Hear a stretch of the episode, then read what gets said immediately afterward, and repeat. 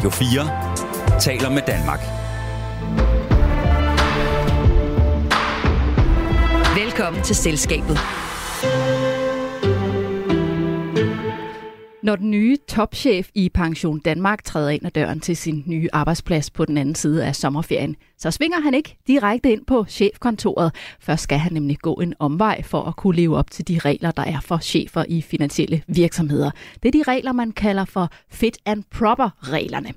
For at kunne blive erklæret både fit and proper, altså egnet og hederlig, skal den nyudnævnte topchef Peter Stensgaard Mørk først en tur på skolebænken internt i Pension Danmark og være i lære som topchef. Og så, efter et år, kan han få lov til at rykke sine ting ind på chefkontoret og forhåbentlig blive erklæret egnet som topchef. Det er i hvert fald målet med det her forløb på et år, som Pension Danmark har arrangeret omkring deres nye topchef, Peter Stensgaard Mørk, der kommer fra et job som departementchef i Finansministeriet. Altså, Peter Stensgaard Mørk bliver ansat nu, men bliver først topchef om et år, fordi han ikke har nogen erfaring fra pensionssektoren, så den skal han først oparbejde. Hvad mener du om den ordning, Birgitte Erhardsen? Du er erhvervsjournalist og kommentator på Berlingske. Jamen, den er jo meget overraskende. Øh, set i lyset af, hvor mange, skulle man synes, rimelig kompetente folk, som er blevet øh, disket gennem tiderne. Altså folk, som har været mange år i den finansielle sektor, for eksempel... Øh, øh, Jakob Aarup, som egentlig skulle have været direktør i Danske Bank. Øh, han duede ikke, han havde ellers været i den finansielle sektor i jeg ved ikke, en halv mellemskaler, men han, der var noget med noget kredithåndværk, han ikke var god nok til, og han duede ikke. Øh, og andre er blevet afvist, så man, altså umiddelbart tænker man, og men det var da billigt sluppet med et år på skolebænken. Hvorfor tænker du det? Og så kan man, jamen, fordi jeg synes, at de, som så er blevet afvist, øh, egentlig har, skulle man synes, øh, rigtig lang og dyb erfaring fra, fra det område. Det var altså ikke godt nok alligevel. Og hvordan, altså, hvad er det egentlig, han skal lære i det år? Øh, og hvem kontrollerer, at han lærer det, og at han kommer til timerne, eller hvordan det nu er. Det er indrettet, det ved jeg ikke, skal han til en eksamen, når han er overstået, for at høre, om han nu også er fit. Men altså, øh, øh, altså, det er bare sådan nogle tanker, der løber gennem ens hoved, når man har øh, læst om at være med til at dække det her område i mange år. Øh, og jeg under ham det der gerne, og der er jo kloge mennesker, der har tænkt over det, og det kan formentlig også godt øh, komme til at fungere, fordi der er jo nok en, altså rigtig mange finansielle kompetencer i den øvrige del af direktionen i, i øh, Pension Danmark. Men det åbner altså også for nogle spørgsmål her, kan jeg høre dig Jamen, sige. det gør det da, helt Men sikkert. Er det, er det også meget usædvanligt, at man laver det her forløb for Jamen, en, det en er kommende det da, det har vi da vist ikke hørt om før, fordi det er jo noget, der først bliver åbnet op for i lovgivningen. Altså, jeg tror, politikerne har nok lyttet til, at nogen synes, de var alt for skrabe, de her regler, og nu er der, der heller ingen kvinder, der kunne komme til, fordi de har jo ikke prøvet at være øh, topchef i den finansielle sektor her, der alle vegne. Og så vil jeg tro, at man har tænkt, at vi må, vi må gøre et eller andet for at bløde op, og det er jo også fint nok, men altså, de her fit and proper regler, de er så specielle, og Altså, og der ligger så mange altså ikke objektive skøn i dem, vil jeg tro. Så jeg tror, de vil altid være øh, et, et diskussionsemne. Næsten lige meget, hvordan man prøver at lave dem om og prøver at imødekomme noget af kritikken. Og hvis jeg lige skal sætte lidt flere ord på de her fit and proper regler, så har de faktisk eksisteret siden 1990'erne, men de blev kraftigt skærpet efter finanskrisen i 2008-2009, og de er også implementeret i en række EU-direktiver. Reglerne skal kort og godt sikre, at ledelsen i virksomheder inden for den finansielle sektor er både egnet og hederlig. Det betyder, at øh, både ledelses- og bestyrelsesmedlemmer skal have den tilstrækkelige viden, erfaring og kompetencer, og man skal sikre sig, at de agerer ordentligt og ansvarligt. Og det er Finanstilsynet, som holder øje med, at nye ledelses- og bestyrelsesmedlemmer lever op til de her krav. Men reglerne har også fået kritik for at snævre feltet af kandidater for meget ind, og derfor får virksomhederne faktisk en øh, ny mulighed her fra 1. juli, hvor de kan få en betinget godkendelse, så en ny leder har muligheden for at oparbejde de kompetencer eller erfaring, som vedkommende mangler. Og det er altså netop den her mulighed, som Pension Danmark benytter, når de sender deres kommende topchef, Peter Stensgaard Mørk, et år på skolebænken for at oparbejde den erfaring, han mangler. Velkommen til dig også, Louise Mogensen. Du er direktør i Forenet Kredit, som ejer Nykredit, og dermed har du også din gang inden for den finansielle sektor, hvor de her øh, fit and proper regler gælder. Hvad mener du om, at øh, de nu blødes lidt op med den her mulighed for betingede godkendelser? Ja, tak for ordet. Altså jeg, øh, grundlæggende, så synes jeg, at det er godt, at man kigger på de her regler igen. Der har været øh, diskussion omkring, hvorvidt at vi i Danmark fortolkede dem for hårdt, og det, at der nu bliver åbnet op for det her, nu kalder jeg det lidt populært en kvote 2-optagelse, øh, øh, synes jeg egentlig, egentlig er, er meget godt, fordi det åbner feltet. Og det er jo altså set, at øh, der kommer gode folk ind uden for den finansielle sektor. Og, øh, og som Birgitte også lige sagde, det er jo ikke alle, der har sådan lige haft 10 års direktionserfaring. Øh, altså man undervurderer det der med, at der kan komme nogen med en kortere erfaring, øh, og som alligevel kan gøre et rigtig godt job. Man skal ikke tage fejl af, at der sidder jo altså en bestyrelse, som peger på en kandidat. En bestyrelse, som har ansvaret for at ansætte en direktør. Og hvis de når frem til en kandidat, og så bliver underkendt i Finanstilsynet, det synes jeg er meget alvorligt. Så det her med, at man har den her mulighed nu for en betinget godkendelse, en kvote 2-optagelse, synes jeg faktisk er rigtig godt. Men man har vel også de her fit and proper regler for, at der ingen slinger i valsen skal være, altså at der skal være styr på, hvem det er, der sidder i både ledelse og, og bestyrelse. Så, så reglerne er der vel også af en grund? Ja, det er det, og det er rigtig vigtige regler, det vil jeg sige. Og øh, det, jeg tillader mig at, at afsløre, at jeg har været igennem fit and proper godkendelse, så jeg, har, øh, og jeg er en af de få, der har kommet igennem nålåret. Ej. Men, men det her med, at, at vi har de regler, det skal man ikke tage fejl af, det er rigtig vigtigt. Så det vi diskuterer, det er jo alene den her med, at man har mulighed for at komme ind på en betinget øh, Øh, godkendelse, sådan så at man har mulighed for at tilegne sig den viden, man så i Finanssynet har vurderet, at man mangler, at det åbner feltet lidt op, sådan så at bestyrelsen lidt får magten tilbage til også at pege på den kandidat, som de synes med deres grundige vurdering af, af kandidatfeltet, som vil være den bedste. Hvor meget ved du egentlig om din egen fit and proper godkendelsesproces? Øh, jeg ved jo, hvad jeg sender ind af, af materiale, kan man sige, og så øh, får man tilbage godkendt. Så du skal selv eneste. sende ind, hvad er ja, mit CV, hvad er mine kompetencer? Som en digital ansøgning. Man uploader diverse materiale og udfylder skemaer, og så får man svar. Er det, Men, er det din egenskab, at dem, der ejer nykredit, at du, øh, at både du, som at du skal bestyrelsesmedlem øh, i en pensionskasse, og så også øh, er jeg også godkendt i min øh, job som øh, direktør i et holdingselskab, ja. Og her hørte vi jo altså Joachim Sperling sige et par ord. Du er direktør i Erhvervslivets Tænketank Axel Future. Hvad mener du om, at øh, Pension Danmark har ansat en ny topchef, som altså først tiltræder om et år? Altså først og fremmest er jeg da glad for, at de har fundet en ny topchef, så det er godt. Øhm, og øh, så havde jeg også lidt på fornemmelsen, at, at der nok ikke var nogen indlysende kandidater i Pension Danmark. Og, øhm, og det kan der være mange årsager til. Det kunne fx være, at Torben Møre jo har fyldt rigtig meget, og måske altså lige har, direktør. har sikret sig en, en kronprins, som han kunne have kørt i stilling i, i, i ordentlig tid. Det var, det var der så ikke. Øhm, så er der så en anden, der så kan være midlertidig Claus Stampe, investeringsdirektøren, som jo har ansvaret for altså de konkrete investeringer. Det er så ham, der skal være... Det, kan man sige, det er også en rigtig vigtig del af Pension Danmark, men det er jo en, det er jo også en, de laver også alle mulige andre ting. Øh, men hvad hedder det? Men det er selvfølgelig det vigtigste, det er at skabe et afkast til deres, til deres kunder. Og kan Peter Stensgaard mærke sig det?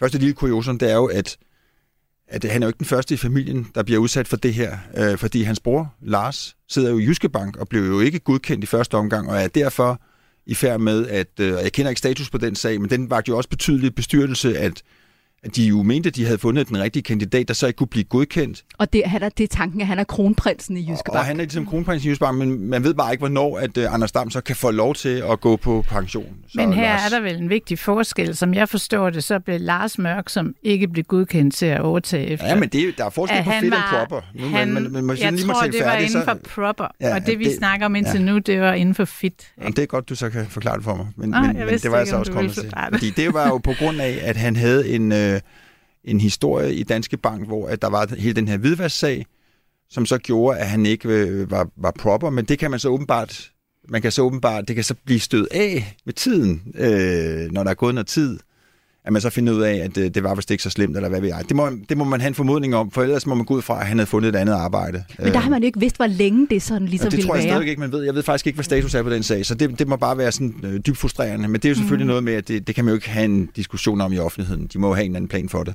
Men øh, hvad hedder det? Med hensyn til Peter Stensgaard Mørk, så har han jo ikke haft nogen øh, andre jobs, meget bekendt, i den private sektor. Så det vil sige, at han har haft øh, forskellige offentlige jobs i hele sin karriere, og nu skal han så ind og lede en pensionskasse, som jo er en form for øh, halvoffentlig job, fordi det er jo en institutionel øh, investor. Øh, det vil sige, det er nogen, som skal efterleve alle mulige regler, og de skal... Øh, og de indgår jo i alle mulige samfundssammenhænge. For eksempel var de med til at starte SIP og Torben har jo øh, været en af de første, der var, der var med til at, at, at, at, at pushe på for OPP, altså offentlige-private partnerskaber, hvor man investerer sammen og udvikler ting. Øhm, og, og der, der, der kommer Peter Stensgaard Mørk jo selvfølgelig med en masse kompetencer, men der, hvor han jo har nogle helt indlysende mangler, det må jo være på hele investeringssiden, hele vurderingen af afkastrisiko og Øh, og så ved jeg faktisk heller ikke øh, altså omkring, hvordan man, man, altså, hvordan man ligesom agerer, når du er noget i en privat virksomhed i forhold til en offentlig virksomhed. Der er ret stor forskel nemlig, fordi når du sidder i Finansministeriet, så kan du sidde bag de lukkede gardiner og sådan set bare gøre sådan her. Når du er direktør i en pensionskasse, så skal du stå op på ølkassen og repræsentere dine medlemmer, og du skal kunne argumentere for, for dine ting i offentligheden. Og det har vi jo aldrig hørt ham gøre, fordi det er jo ikke hans job, det skal hans minister gøre. Så der bliver jo, der bliver jo en, en helt ny dags. Derfor er det meget sundt, at han skal bruge et år. Det tror jeg nu godt, han kan finde ud af. Øh, for jeg tror nemlig også, at bestyrelsen har tænkt sig om, øh, da de ansatte ham. Mm. Og tænker du så, at, øh, at, at gør det det så med det år, og så kan han blive erklæret fit? Altså ja, det, har han det, fået den erfaring, det, det, han det, skal det, have? Jeg, jeg tror, at han ret hurtigt kan finde ud af det der. Altså, det, det, man skal også huske en anden ting, der en pensionskasse sådan rent teknisk er jo meget mindre kompliceret end en bank. Altså en bank er jo er, er, er monsterkompliceret. Øhm, og, og, øh, og en pensionskasse er, er ikke ukompliceret, men dog mindre kompliceret end en bank. Det her er Erhvervsmagasinet Selskabet. Vores panel består altså i dag af Birgitte Erhardsen, som er erhvervsjournalist og kommentator på Berlingske, Louise Mogensen, der er direktør i Forenet Kredit, og Joachim Sperling, som er direktør i Axel Future, og jeg hedder Stine Lynghardt. Og her i dagens program har vi blandt andet fokus på fit and proper-reglerne, som har fået kritik for at gøre det svært at rekruttere topchefer, men med en lovændring bliver der blødt lidt op på reglerne fra juli måned. Du lytter til Radio 4 og som du, Birgitte Erhardsen, var inde på for lidt siden, så har vi jo flere gange set, at fit and proper-reglerne har spændt ben i nogle bemærkelsesværdige sager. I 2018 vendte Finanstilsynet tommelfingeren nedad, da Danske Banks bestyrelse ville hyre Jakob Over Brandersen som ny topchef. Han blev afvist, fordi han ikke var erfaren nok.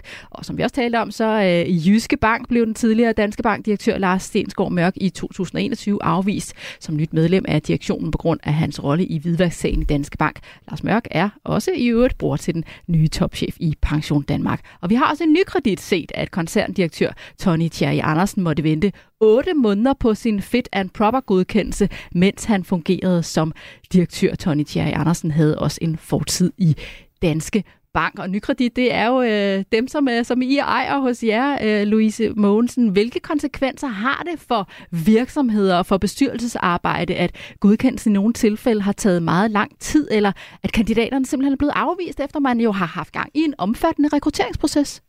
Jamen, det skaber jo enormt meget usikkerhed omkring, øh, altså når man starter sådan en rekrutteringsproces, så er man jo i gang med et relativt bredt felt, og så langsomt snæver man ind, og så når man frem til den ene udkårne, som man rigtig gerne vil ansætte. Og når der så opstår den her usikkerhed omkring, hvorvidt vedkommende kan blive godkendt, det er meget ubehageligt. Og derfor øh, kan man sige, det jo gælder jo, øh, øh, jeg tænker selvfølgelig også virksomheden, men, men især på, på den person, som heller ikke ved, øh, altså hvad der kommer til at ske. Ikke? Øh, øh, der er selvfølgelig fortrolighed, men at desværre alligevel har vi jo set nogle gange, at det bliver lækket, øh, hvem det er, der er i spil. Og, og øh, der har været nogle processer der, som... Øh, virkelig har været ubehagelige for de involverede parter. Øh, så at der nu bliver åbnet op for, at man kan have en anden form for dialog, at man kan øh, have den her øh, kvote 2 med nogle betingelser knyttet, knyttet til en godkendelse, øh, tror jeg skaber meget klarhed. Øh, jeg ser det som noget positivt for sektoren. Altså det, det giver et, et øh, større øh, handlerum for bestyrelserne, men også at man så øh, i samarbejde med tilsynet kan nå frem til, hvad mangler den her person så, før de kan få den endelige godkendelse. Det synes jeg er fornuftigt. Og altså også et større rekrutteringsgrundlag. Lige præcis. Man skal ikke tale med mange headhunter, før man har hørt, at de har været virkelig ved at hive håret af sig selv, fordi det har været rigtig, rigtig svært at finde nogen, som leder op til de krav, der blev stillet. Så det har været sådan lidt at flytte rundt på brikkerne, altså inden for et meget lille snævert felt, øh, som man nogle gange har været overladt til. Og det er jo ikke tilfredsstillende, hvis man ønsker at sætte en ny retning. Men Birgitte Ertsen, Ertsen, har finanssektoren ikke også selv et ansvar for at sikre sig affølgen? Altså er det ikke deres egen skyld, at de ender i en situation, hvor de ikke kan få godkendt en, øh, en direktør, eller har svært ved at finde egnede topledere? Jamen, altså, jeg ved ikke, om man kan kalde det deres egen skyld. Altså, det er jo... Altså, det, de skal jo på en eller anden måde, eller har skulle sidde og prøve at analysere sig frem til, hvad Finanstilsynet må tænker om den person og den person, og en, som de selv, øh, som for eksempel i Jyske Banks tilfælde, Lars Mørk har, har synes var helt oplagt og fantastisk og så videre, og så bliver han så pludselig disket alligevel, ikke? Øhm, øh, men altså, Altså, jamen, jeg vil også lige sige til det, du sagde med den der nye ordning, altså kvote 2-ordningen. Øh, den kræver jo så også, at man har en egnet person til så at sidde og være direktør i mellemtiden. Ikke? En, som ikke som godt vil det, og som ikke føler det som et nederlag, når der nu er gået et års tid, og han så skal rykke, øh, hvad hedder han, øh, finansdirektøren skal rykke ud, og den nye mand skal rykke ind. Øh, og hvis vi så i Danske Banks tilfælde, hvem skulle det have været, der skulle have varmet taburetten for Jakob Aarup dengang? Der var en, der hed Jesper Nielsen, som så røg ud på grund af den der flex øh, skandale og Tony Thierry forsvandt til jer, og hvem skulle have holdt øh, stolen varm for, for hvad hedder det, Jakob Aarup? Så der er mange sådan, brikker i det der puslespil, som skal passe, og som, som kom til at passe hos Pension Danmark, og det kan de jo, vi jo så bare glæde os over.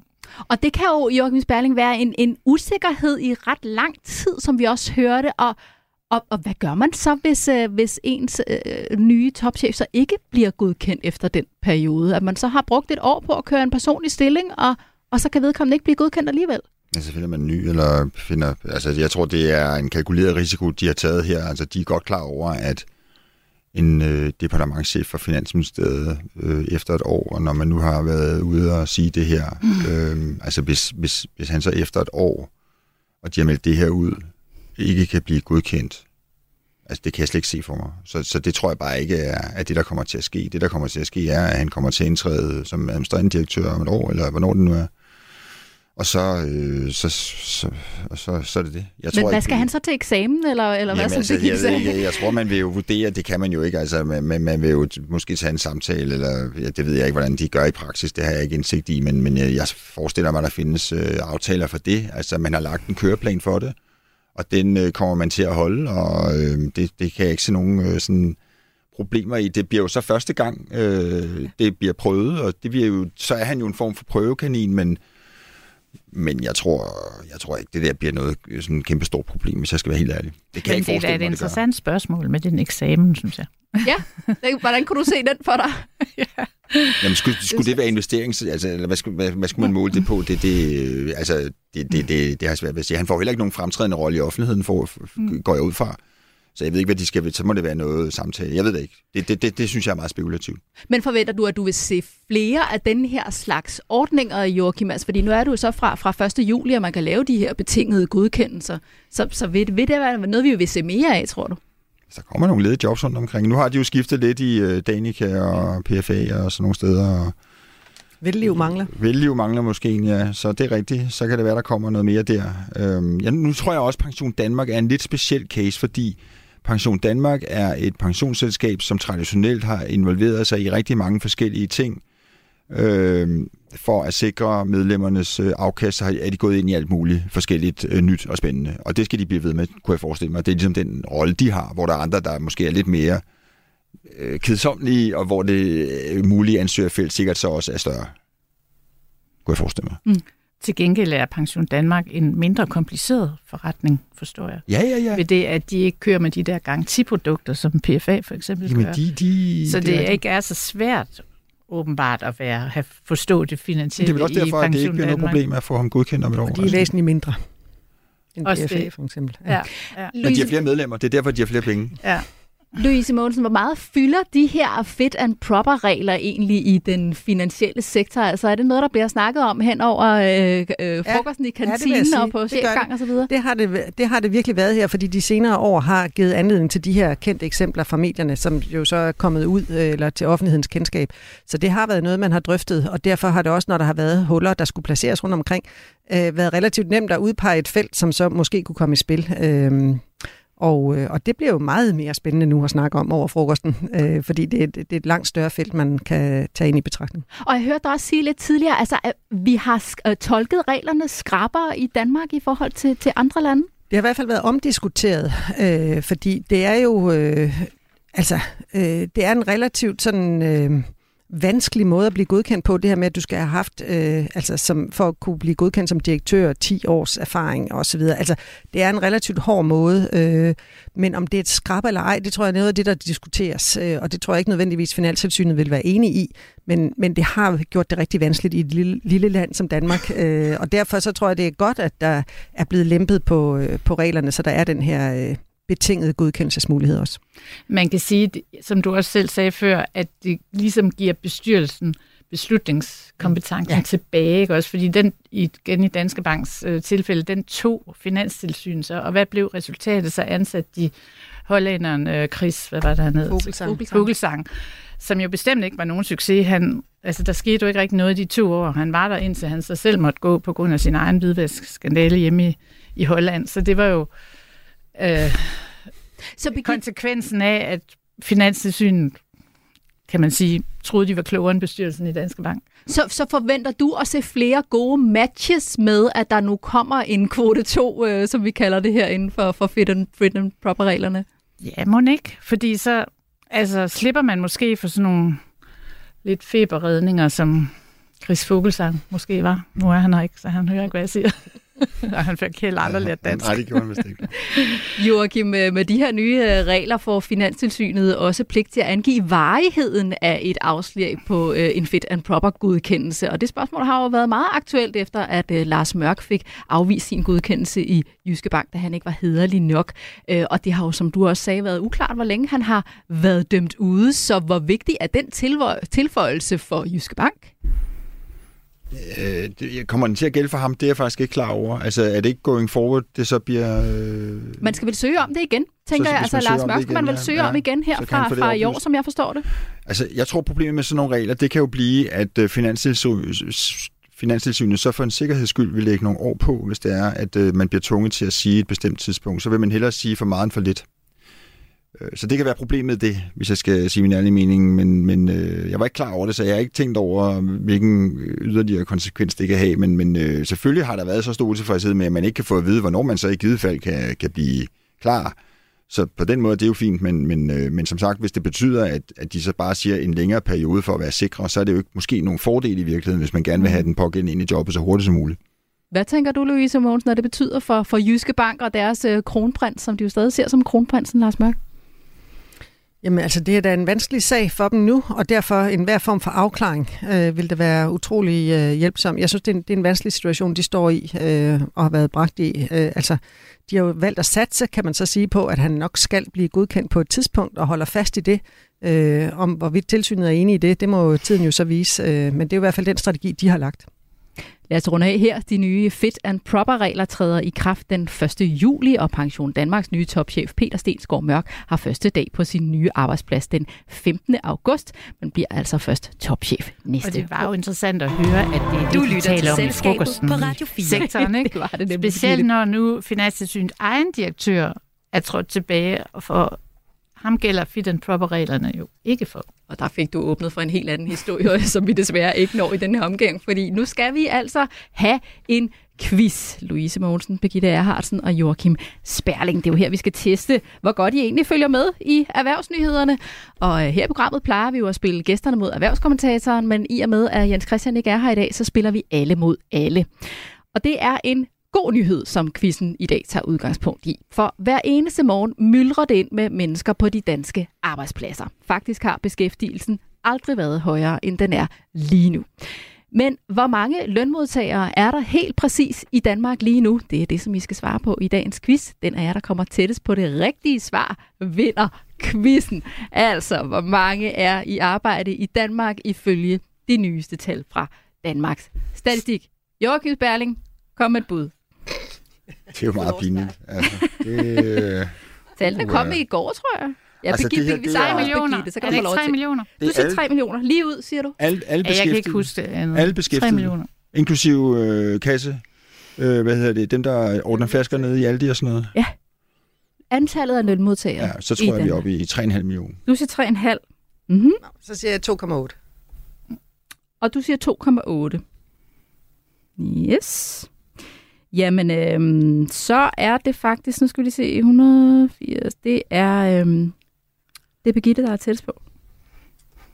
Fordi Det rigtige svar er 2 millioner 986.482 mennesker i arbejde i Danmark, tæt på. ja. viser tallene altså fra Danmarks Statistikker. Kan det er altså, vi kan øh, de her ting på Berlingske.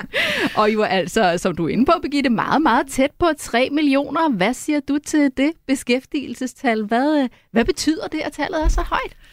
Jamen, det er da utroligt dejligt at høre, at der er så mange mennesker, der arbejder og betaler skat. Øhm, men altså, det er de jo også nødt til, fordi vi ved jo, der er mangel på arbejdskraft mange forskellige steder. For eksempel på øh, plejehjem, hvor min gamle mor sidder.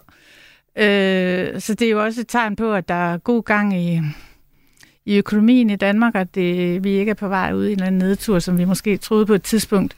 Øh, men jeg hørte også lige i dag, at det er meget af, tror jeg, inden for servicesektoren og så videre, at der er så høj beskæftigelse, mens for eksempel inden for byggeriet, der er det ikke så højt. Det er nemlig rigtigt, den er en, en lille smule faldende inden for byggebranchen og inden for handel, men er til gengæld på vej frem inden for mange andre forskellige erhverv. Det er jo for eksempel øh, industrien, transportområdet og hotel- og, og restaurationsbranchen. Louise Mogensen, overrasker det dig, at tallet er så højt i en tid, hvor vi jo også har hørt om krise, og vi har hørt meget tale om øh, de mørke skyer, der ligger over økonomien? Ja, altså hvis jeg siger ja til, at jeg er overrasket, så øh, er jeg jo i båd med vismændene, som øh, forudså, at det vil gå helt anderledes. Altså med de stigende renter og den generelle usikkerhed efter krigen og energipriserne og inflationen osv., så, så havde man jo forventet en, en afmatning øh, af økonomien. Og der må man bare sige, at øh, dansk økonomi står utrolig stærkt. Altså, der er også en stor opsparing. Vi kan jo ikke se i den finansielle sektor nogen tab. Altså, vi, det er meget, meget små tab fortsat. Altså, danskerne har haft en stor opsparing, øh, så har kunne bære dem igennem de her stigende renter og energipriser. Og, og det er øh, helt tydeligt, at, at det er, kan man sige... Øh, Øh, en, en, en stærk økonomi, en, en robust økonomi. Øh, så må vi se på sigt. Selvfølgelig vil den her høje rente smitte af på et tidspunkt, men indtil nu har det altså virkelig vist sig som en, en meget robust økonomi. Overrasker det dig, Joachim Sperling, at øh, vi er meget tæt på 3 millioner beskæftigede? Jamen, jeg, jeg, jeg har de sidste øh, mange år øh, faktisk tænkt, at øh, økonomien var, var mærkelig. Altså, der, der, der har været mange mærkelige ting i, i mange år efterhånden. Hvad er det, der er mærkeligt? Jamen, det er jo øh, altså, den meget lave rente, vi havde i utrolig lang tid, som, som øh, altså uden at det hele brød sammen. Så brød det sig sammen, men der skulle så også en coronakrise og en krig i Ukraine til, at det rigtig øh, begyndte at gå galt. Og, øh, og så er renterne jo steget helt vildt, og så, øh, er der, så tænker jeg, jeg, jeg troede også for eksempel, at når nu renterne steg så meget, så ville der komme flere tvangsaktioner. Det var der helt sikker på, der ville. Øh, og sommerhusene ville ryge ned i pris og alt muligt andet. De begyndte at stige.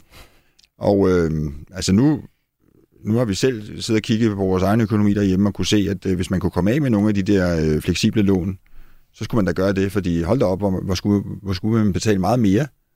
Øh, så, øh, så jeg vil sige, altså dem, der står pludselig, og, og i stedet for at betale øh, 10.000 om måneden, skal betale 30.000 om måneden, det kan man jo nemt komme til. Det, det kan jeg ikke forstå, det ikke påvirker økonomien mere. Jeg kan simpelthen ikke fatte det. Men, øh, men øh, der må være noget, som, som, øh, som skal skrives om i lærebøgerne.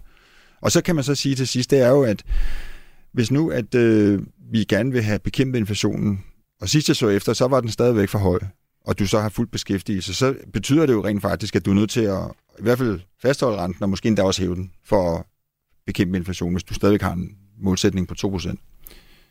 Øhm, så, så man kan i hvert fald være sikker på en ting, hvis, hvis ellers jeg ikke har misforstået noget fuldstændigt, så er det, at renterne er i hvert fald ikke er på vej ned.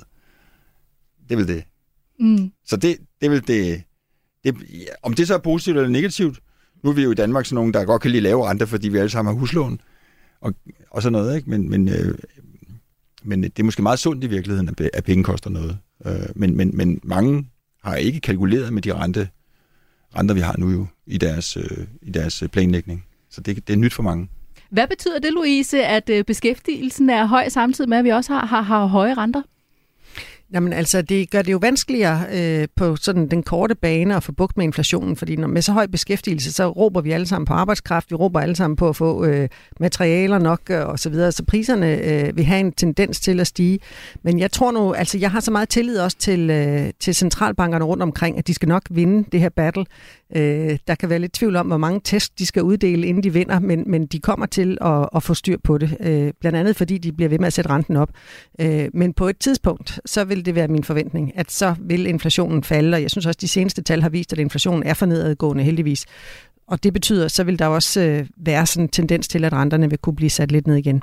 Øh, men altså, dansk økonomi er stærk, og det synes jeg egentlig bare som udgangspunkt, at vi skal glæde os over. Birgitte, forventer du, at øh, vi godt kan nå op omkring de magiske 3 millioner, eller forventer du, at øh, vi vil se ja, et det gør jeg da, fordi nu skal alle de 190.000, som øh, ikke bestiller noget, jo ud og bestille noget.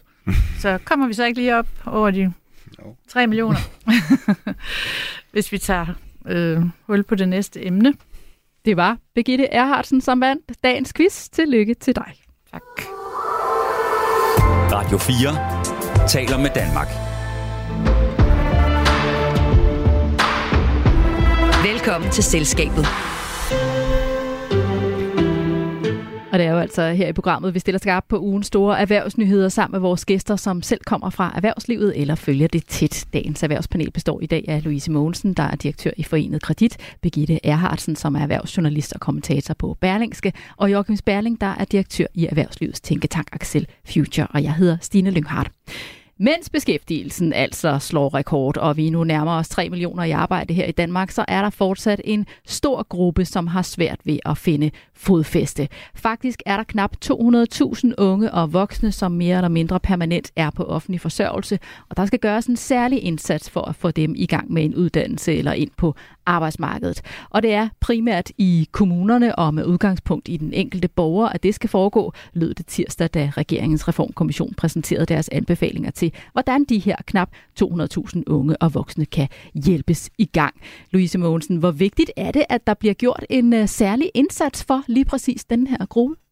Det er jo en utrolig tung gruppe, og desværre noget, som har tendens til også at gå i arv. Så de mennesker, der sidder fast i den her gruppe, øh, har tendens til også, at det er desværre noget, der så bliver ført videre til deres generation efter dem.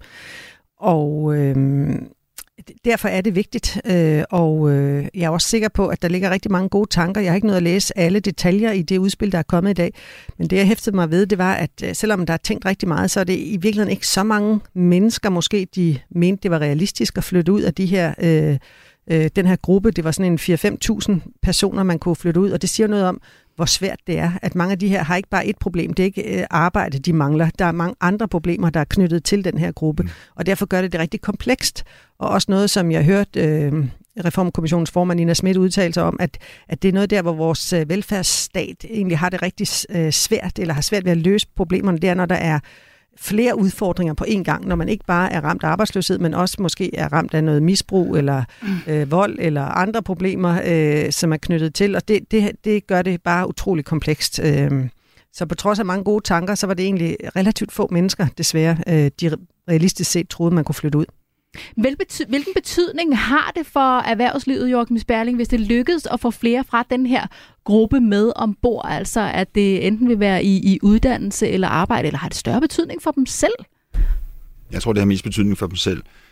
Øhm, altså, hvis vi har øh, fuld beskæftigelse, så er der jo øh, ikke rigtig noget til hinder for, at mange af de her kunne få et job, hvis de ellers ville eller kunne. Og øh, når de så ikke gør det, så er det jo fordi, netop som øh, Louise siger, at de har alle mulige andre problemer at slås med, som måske lige kommer, som skal løses, før du kan få et arbejde. Og, øh, og jeg tror, det er rigtig klogt at sige, at øh, vi ikke på nogen måde kan forvente at få alle 180-90.000 i job, fordi i alle samfund, og i hvert fald også i Danmark igennem mange år, har der jo altid været en gruppe, som, som af, af forskellige årsager ikke passer ind på arbejdsmarkedet. Og der er mange, der taler om, at arbejdsmarkedet er blevet mere, det går stærkere, og det bliver sådan mere, og det kræver alt muligt osv. Og, og så får man jo en, så er der jo en restgruppe, som ikke... Altså i gamle dage, der havde man, der havde man for eksempel en, en visevært Majer fra huset på Christianshavn, ikke, som gik og farede lidt, og altså sådan nogle, øh, sådan nogle jobs øh, findes der ikke så mange af længere, vel?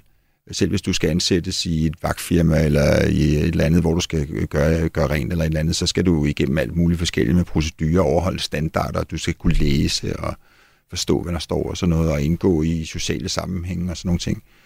Og det er der bare nogen, som ikke rigtig kan. Og øhm, derfor er jeg rigtig glad for at bo i et samfund, hvor at, øh, at, vi, at vi forsøger at håndtere det, øh, men også øh, understøtter de mennesker øh, så, så godt man nu kan, og hjælper dem. Og det er jo alt ære værd, at vi også prøver at sige, kunne I få et arbejde, ville det være rigtig godt, men jeg tror ikke, man skal have for store forventninger, desværre. Men hvorfor betyder det noget at, at få gjort en indsats? Det kræver så en særlig indsats for at få dem ind på arbejdsmarkedet? Det er fordi, vi, vi opfatter jo, vi har jo sådan en religion herhjemme, der hedder arbejde, og det, og det, er jo, øh, det er jo en vigtig del af det at høre til samfundet, det er, at du har et job. Og hvis ikke du har et job, så er du ligesom udenfor. Og, og det kan vi ikke så godt lide. Så, så det er jo godt at, at kunne få dem ind, så de også kan føle, at de bidrager med noget. Øh, så det, det synes jeg sådan set også selv. Øh, men man skal bare gøre sig klart, at det, det har man jo ikke i alle samfund, altså øh, at det er sådan nødvendigvis. Øh, men, men det er det jo her. Og, og, øh, og derfor er det selvfølgelig øh, vigtigt, men, men, øh, men man skal passe på med at gøre det til en politisk prioritering, selvom vi mangler arbejdskraft. Vi kan jo stadigvæk få arbejdskraft fra udlandet, og det er jo det, erhvervslivet tyr til. Hvis ikke de kan skaffe noget herhjemme, så får de udenlandsk arbejdskraft, og det tror jeg egentlig hellere, de vil få en eller anden, der er i stand til at passe et arbejde og kan, kan gøre de ting, der nu skal gøres, selvom man ikke lige taler sproget og forstår kulturen 100%, end at få en, som øh, kun kommer hver anden dag, eller slet ikke kommer, eller har, har, altså, har andre problemer med at passe et arbejde. Så siger du også, at det ikke er specielt vigtigt for erhvervslivet, at de kommer i gang? Jo, det er vigtigt for erhvervslivet, at der er arbejdskraft til rådighed, og det er vigtigt for samfundet, at alle, der kan og vil, også bidrager til samfundet. Men, men det er der rigtig mange, der gør lige nu. Vi kunne måske godt få nogle flere med, men vi kan ikke få alle med. Det vil altid være sådan i et samfund, at der er en gruppe, som desværre af den ene eller den anden årsag ikke passer ind, tror jeg. Birgitte Erhardsen, i gruppen er der jo 42.000 øh, unge, som hverken er i job eller under uddannelse. Har vi et særligt ansvar for at få dem i gang? Selvfølgelig har vi det, men de har også selv et ansvar. Altså nu, jeg synes, øh, den her diskussion er lige lovlig blødsiden. Jeg synes godt, at vi kan forvente, at de skal i arbejde alle sammen. Det kan godt ske, det ikke lykkes, men jeg synes, forventningen skal være der. Altså alle knap 200.000? Ja, ja, hvorfor ikke? Altså, øh, det, og det er jo også, og hvorfor er det vigtigt for erhvervslivet og så videre, bliver du spurgt om, ikke? Men altså, det er da vigtigt, at vi ikke, skatte, andre skatteydere, skal betale deres øh, kontanthjælp, eller hvad det nu er. Og det er vigtigt, at de selv kan tjene nogle penge, og det er vigtigt, at de selv kan betale noget skat. Det i, det i sig selv er vigtigt. Men, det er altså, jo jeg... ikke øh, nødvendigvis en sammen, der kan det. Altså, de står lige præcis i nogle svære altså, situationer. Altså, jamen, bl- bl- altså, nu, ser, nu så jeg også, at det også blev sagt, at hele systemet har gjort dem sådan lidt til offeragtige, ikke? At de kommer ind og kan ikke, ja, vi skal hjælpe, vi skal dit og vi skal dat, og så efterhånden så ændrer de sig lidt og bliver nogen, der går mest op i at få, hvad de har ret til af ydelser, i stedet for, om de har pligt til at tage et arbejde. Ikke også? Altså, jeg tror, der har været for mig en øh, misforstået sådan hensyntagen og øh, hvad hedder det, sådan lidt bange for at gå til dem mange steder.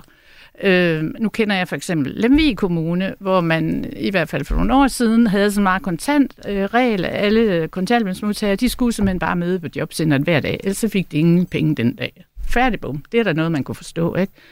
Øh, og altså, jeg, jeg, jeg tror ikke på det der med, at der er så mange, det er synd for. Altså nu er jeg lige flyttet til Helsingør, hvor der er rigtig mange, eller der er nogle områder, hvor der bor rigtig mange indvandrere, og der er altså ligesom oplevelsen, at der er en masse sådan midalderne indvandrere, fædre, som sidder og drikker chai hele dagen, mens de holder øje med, at deres unge mennesker øh, opfører sig sådan, som man nu skal, hvis man er en god muslim. Og det, altså det kan jeg slet ikke forstå at det skal foregå i Helsingør Kommune, hvor jeg så skal betale en høj skat til dem. Hvad jeg mener tror du? på, at vi kan gå lidt hårdere til dem. Hvad mener du, Louise Mogensen, vi skal gå hårdere til dem? At de skal alle sammen i arbejde? Altså jeg, øh, jeg tror, en vej frem kunne være noget sådan at sætte kommunerne lidt mere fri. Altså jeg tror, de har været utrolig mange regler i det her system omkring beskæftigelsesindsatsen. Øh, netop meget fokus på, øh, hvilke rettigheder man havde, øh, og måske knap så meget på, øh, hvor kan du komme et job hen. Øh, og jeg synes, det kunne være rigtig godt, hvis man gav lidt mere frihed til øh, de her indsatser, som skal til, så man får testet noget af, og i virkeligheden lade det være lidt op til kommunerne at finde den bedste vej frem. Eventuelt i samarbejde med nogle virksomheder, som, øh, som øh, har velegnede jobs til, at nogen kommer ind, fordi det er nok ikke realistisk at starte på 37 timer for dem alle sammen, ikke? men så kunne man starte med noget mindre, øh, og prøve at være lidt mere fleksibel end de sådan meget øh, regelbundne øh, tilgang, som er mit indtryk, der har været herskende hed til. Men hvad mener du om det, du hører fra Begitte, at de her mennesker, de har pligt til at arbejde, og de skal alle sammen ud og arbejde? Jo, men jeg tror, man fejler, hvis man bare øh, stiller krav. Altså, jeg tror også, man skal se på, hvilke muligheder kommunerne har for at løse opgaven. Så det er fint at stille krav, men jeg tror også, at man er nødt til at kigge lidt på, hvilke muligheder er der så for at lykkes som en succes. Øh, og der tror jeg, at man skal lempe nogen ind øh, med øh, altså øh, færre timer i begyndelsen, og altså på den måde gøre det lidt mere fleksibelt øh, for at finde den bedste vej frem til målet, som selvfølgelig må være at få flest mulige job. Joachim Sperling? Jamen, altså, jeg tror, jeg tror at, øh, at det er, øh, det er rigtigt, øh, at man kan, man, kan, man, kan stadig, man, kan, man kan stille nogle større krav. Ikke? Selvfølgelig kan man det. Men hvem skal gøre det? Altså nu vil, vi, nu vil regeringen afskaffe jobcentrene. Så hvad er det så for nogle værktøjer, vi har tilbage? Hvem, hvem er det, der skal gøre det? Det er også rigtig dyrt at lave de her forløb for dem. Øh, hvilke nogle virksomheder vil, øh, vil stille sig til rådighed for det, når vi har fuld beskæftigelse? De har sådan set allerede taget nogen ind, som måske lige er på kanten af, hvad der, hvad, hvad der er muligt. Skal de så have nogen ind, som, øh, som ikke kan tale sproget, som øh, kun møder hver anden dag? Altså, det bliver enormt arbejdskrævende for dem. Øh, så det er det, jeg tænker på. Og jeg er helt enig i, at man kan jo godt gå en forward, eller fremover ligesom sige, nu stiller vi nogle andre krav, og nu strammer vi op. Men den gruppe, der allerede er tabt, og samle dem op, jamen det siger jeg bare god fornøjelse med. Det, det, det er bare ikke realistisk, og det er jo også det, nogle kloge mennesker har fundet frem til. Så kan du godt sige, at du sidder og betaler skat op i Helsingør, og det gider du ikke længere. Men det synes jeg måske er en sådan lidt uh, horski attitude øh, som, øh, som ikke rigtig... Øh, jeg i Ej, hvert fald ikke rigtig abonnerer på. Der er ikke ikke at give betale. Altså, jeg vil hellere betale min skat. Jeg vil gerne betale den samme skat, men så går det til noget mere konstruktivt end, end det der. Men altså, det der med at sige, hvis du ikke du kommer i dag, så får du ingen penge. Det er jo ikke at stille krav, at det skal der ikke et eller andet system eller et eller andet til. Skal folk så bare... ligge og dø på gaden af sult eller hvad? Nej, du dør ikke, fordi at du ikke får penge i en, to eller tre dage. Mm. Det gør du ikke. Men Birgitte, er det realistisk at få de her, alle de her, samtlige hele den her gruppe i arbejde, fordi de jo har forskellige udfordringer. De kan også lige præcis have en baggrund med misbrug eller andre ting, der gør, at de ikke kan passe et 37 timers ja, arbejde. men det har vi jo Skal gået og sagt til hinanden de sidste 20 år, og så er der så en hel masse, der, der lever op til det. Men altså, der er jo også nogle virksomheder, som er rigtig gode til at få sådan nogle her i arbejde. For eksempel Nemlig.com, altså som jo har, jeg ved ikke hvor mange forskellige nationaliteter ude i deres lager, hvor man skal gå rundt og samle lager, øh, tage varer ned fra hylderne. Jeg har været ude og se, hvordan det foregår.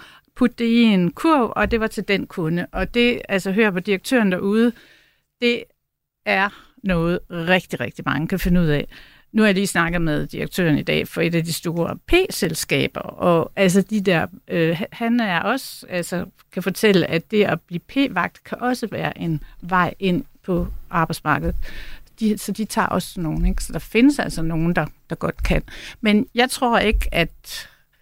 Jeg ved ikke, hvorfor vi altid skal køre den helt derover i med, at folk skal ligge og dø på gaden. Det, det synes jeg ikke, egentlig ikke er nogen konstruktiv måde at, Jamen, du siger, at du ikke vil, på. Du synes ikke, de skal have penge og sådan noget. Hvis de så ikke øh, kommer i 14 dage eller 3, hvad, hvad ved jeg, så skal de så trækkes, øh, og så får du måske bare mere kriminalitet eller et eller andet andet. Altså, der er jo tale om, der er jo tale om marginaliserede grupper, som du ikke kan, altså som ikke nødvendigvis responderer på den slags. Og det, og det kan altså, bare som være sagt, svært. så har jeg set, at det øh, fungerede op i Lemvig Kommune, og der er så nogle andre, der kommuner siger, at det må vi ikke, vi må ikke tage, tage dagpengene fra dem en dag her og en dag der. Men altså, de gjorde det, så det... Mm-hmm. Jamen, det kan, og så de dage, de kom, så tog de ned på stranden og samlede plastik op. Mm. Det fungerer meget godt. Og Louise Mogensen, der ligger selvfølgelig et ansvar i kommunerne for at hjælpe den her gruppe, men hvad tænker du, at virksomhederne kan gøre for at, at hjælpe den gruppe i gang på, på arbejdsmarkedet med, med det, de nu kan bidrage med? Jamen altså, alle bør jo selvfølgelig overveje, hvilken rolle de kan spille i den sammenhæng, og de fleste virksomheder har nok sådan nogle job, som øh, vi kunne kalde er sådan lidt mere skånsomme end, øh, end et traditionelt fuldtidsjob. Mm. Øh, så jeg synes, det er, det er fint at forvente noget, men, men virksomhederne er også helt vildt optaget af, at de selv skal levere gode resultater og spare omkostninger osv., så, så deres mindset er ikke nødvendigvis, at de skal tage det ekstra samfundsansvar. De sidder også og tænker, jeg betaler rigeligt i selskabsskat, eller jeg gør sådan og sådan. Øh, så der skal nok være incitamenter, eller i hvert fald noget, som sådan ligesom lokker virksomheder til at begynde at tænke anderledes, hvis man mm. ønsker, at de virkelig skal tage fra det. Hvordan skal man lokke virksomhederne? Jamen, så skal man jo netop stille nogle, altså, øh, hvad skal man sige, nogle goder op, øh, hvis de tager det ansvar, eller hvis de gør, at man hjælper på en eller anden måde, at der ikke er et stort administrativt bøvl, eller at der er nogle andre ting, som gør det nemmere at tænke i de her baner, ikke? Birgitte? Nu øh, snakker vi også lige før vi kom her ind i studiet om de der nye CSR-regler, som jeg tror, I kender bedre end jeg gør. Der, det kunne også være en del af det, at man, på, altså, at man forpligter sig til at tage x antal af, hvad skal vi sige, ja, tunge arbejde, undskyld, jeg siger det, men altså x antal øh, mennesker ind, som har svært ved at opnå tilknytning til arbejdsmarkedet. Enig. Altså, vi er meget gode til at stille grønne mål op i mm. øjeblikket, mm. men, men S'et nogle gange, den der mm. ESG, kan godt halte lidt, så det ja. kunne man godt øh, forvente også, at der var nogen, der tog øh, nogle S-mål op. Jeg er helt enig i det der, man kan sagtens gøre det. Man skal bare gøre sig klart, at hvis man ansætter lige præcis den her gruppe af mennesker, så udover at man skal betale løn, så skal man også betale for at, at have dem beskæftigede, og det er rigtig, rigtig dyrt for virksomhederne. Det bliver en meget, meget stor omkostning, hvis vi skal løse hele problemet via virksomhederne. Så bliver det sådan en ekstra arneskat eller noget af den stil. Som øh, du, Louise, var, var inde på, så øh, øh, ser Reformkommissionen et potentiale i at øge beskæftigelsen med mellem 3.500 og 4.500 fuldtidspersoner. Det er et forsigtigt skøn, og, og det er jo altså flere personer alt i alt, fordi man jo regner med, at, at der er mange, der vil kunne tage de her øh, småjob, altså, men, men, men 4.500 øh, fuldtidspersoner blandt de her knap 200.000 personer på, på kanten af arbejdsmarkedet. Er det øh, indsatsen værd, Louise Mogensen? Ja, altså for de personer, som kommer ud, er det jo helt sikkert, og man kan måske også håbe, at der er endnu flere, der kommer i gang. Men når vi, når vi taler om, hvor mange sygeplejersker vi mangler, hvor mange øh, vi mangler i ældreplejen, og hvor mange vi mangler øh, øh folkeskoler, og, altså vi mangler rigtig, rigtig mange mennesker, øh, håndværkere osv., det, det har jeg svært ved, altså det her, det er jo ikke svaret på det, kan man sige. Der, der skal nogle andre midler i kraft også. Øh, øh det, her, det, det løser jo ikke det, det er klart. De her øh, anbefalinger til, hvordan man får unge og voksne på kanten af arbejdsmarkedet i gang med en uddannelse eller job, de er samlet i den tredje og sidste rapport, der kommer fra regeringens reformkommission. Du lytter til Selskabet på Radio 4. I studiet er Louise Mogensen fra Forenet Kredit, Begitte Erhardsen fra Berlingske, Joachim Sperling fra Axel Future, og jeg hedder Stine Lynghardt. Her til sidst øh, skal vi lige runde den nyeste udvikling i en erhvervsnyhed, som vi havde op i selskabet i sidste uge. Det var nyheden om, at der er begået stribevis af fejl i nogle af landets største banker, når de har opkrævet gæld fra deres sårbare kunder.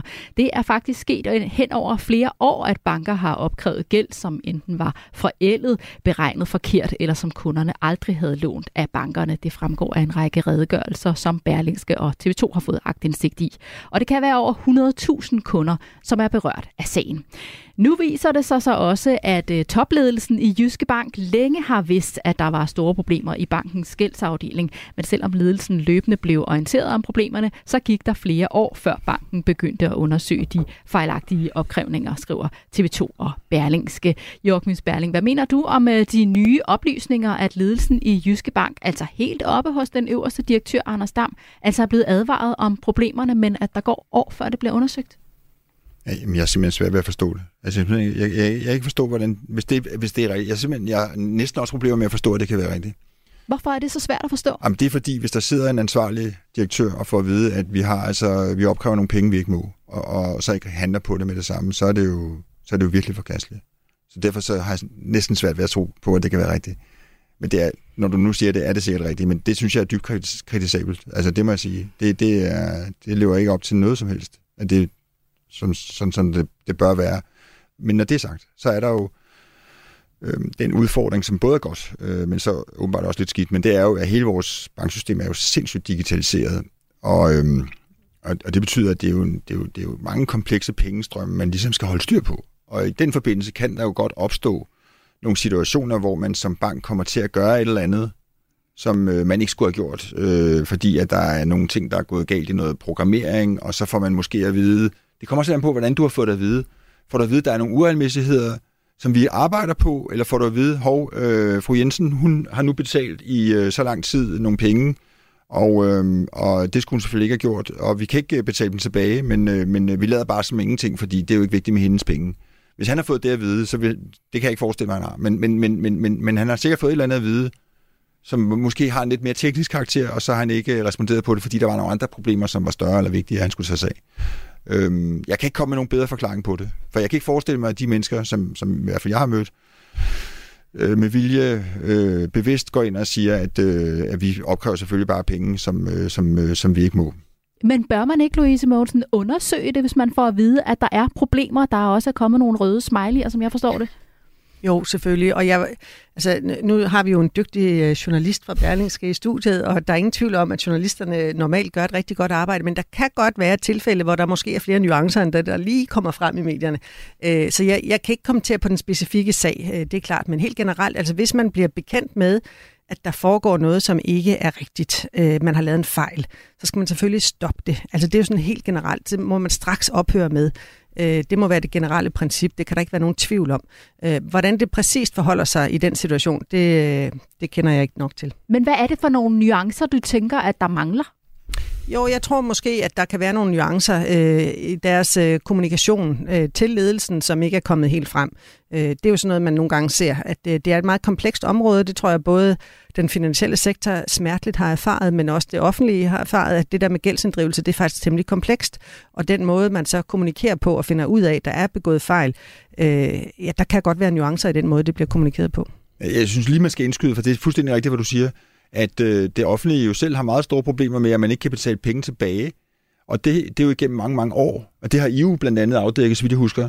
Øh, men det, det, det er ligesom, så er det bare staten jo. Men, men, men det offentlige har jo selvfølgelig også øh, meget store problemer med den slags, når det er IT-baseret, og man måske skal lave hele systemer om for at kunne løse problemet, øh, som man så ikke lige kan gøre. Øh, det er jo nok øh, ulempen ved det her meget digitaliserede samfund, vi har. Birgitte, det er jo så journalister inden fra jer hos ja, Berlingske, som har mig. været, det er så ikke, mig. ikke jeg har slet ikke været nede Men- i deres men- arbejde, men altså... Hvad har du også- sådan kendskab til, af hvordan det her har kunne foregå i, i årvis? Ja, men altså, altså, man skal også lige sige, at de siger jo, Jyske Bank siger jo, at de ikke vidste så tydeligt i hvert fald, eller sådan som I siger, det har måske været kommunikeret lidt mere teknisk, eller, men selvfølgelig skulle de have ageret og have lyttet bedre efter. Og man kan så også sige, altså nu er det, hvad er det, et par år siden, at Danske Bank store en skandale rullede.